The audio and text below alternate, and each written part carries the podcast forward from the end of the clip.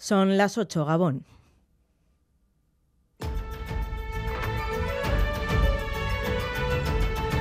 Crónica de Euskadi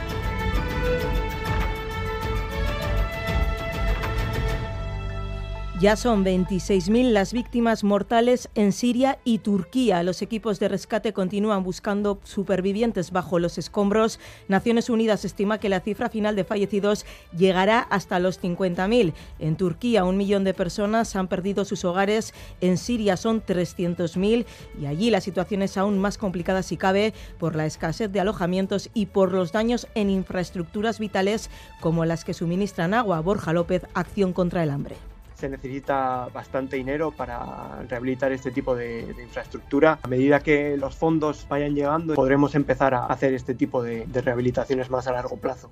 Casi 100.000 delitos registró la Erchancha en 2022, 7.000 más que en 2019. 86 estaban relacionados con homicidios, una treintena más que en el año anterior a la pandemia. Aumentan también los de lesiones, un 20%, unas cifras que se dan a conocer en el primer fin de semana en el que se han endurecido las sanciones por portar armas blancas. Algunos locales nocturnos empiezan además a colocar detectores de metales en las entradas y así lo viven los y las jóvenes.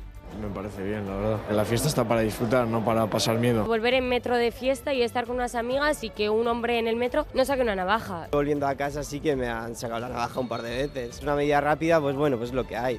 En Busturia, la Erchancha investiga las causas del incendio que la pasada noche calcinaba un caserío en el barrio San Cristóbal y donde fallecía una mujer de edad avanzada. Dos personas heridas fueron trasladadas a los hospitales de Guernica y Galdacao. En cuanto al tiempo, continuamos con cielos despejados y regresarán las heladas por la mañana, sobre todo a Álava y Navarra. Euskalmet, Nayara Barredo seguiremos con tiempo estable y soleado. Será más difícil que hiele en la vertiente cantábrica, aunque puntualmente todavía podría registrarse alguna helada.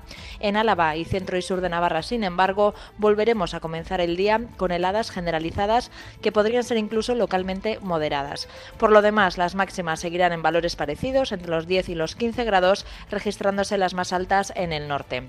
En carretera, sin problemas para circular a esta hora. Eso sí, un aviso de bomberos de Vizcaya a través de Informan de una persona perdida en una zona boscosa de Barrica. Reciban un cordial saludo del equipo de redacción y de quienes se encargan de la dirección técnica Ollane Zavalla y Pachi González. Son las 8 y 3 minutos. Comenzamos.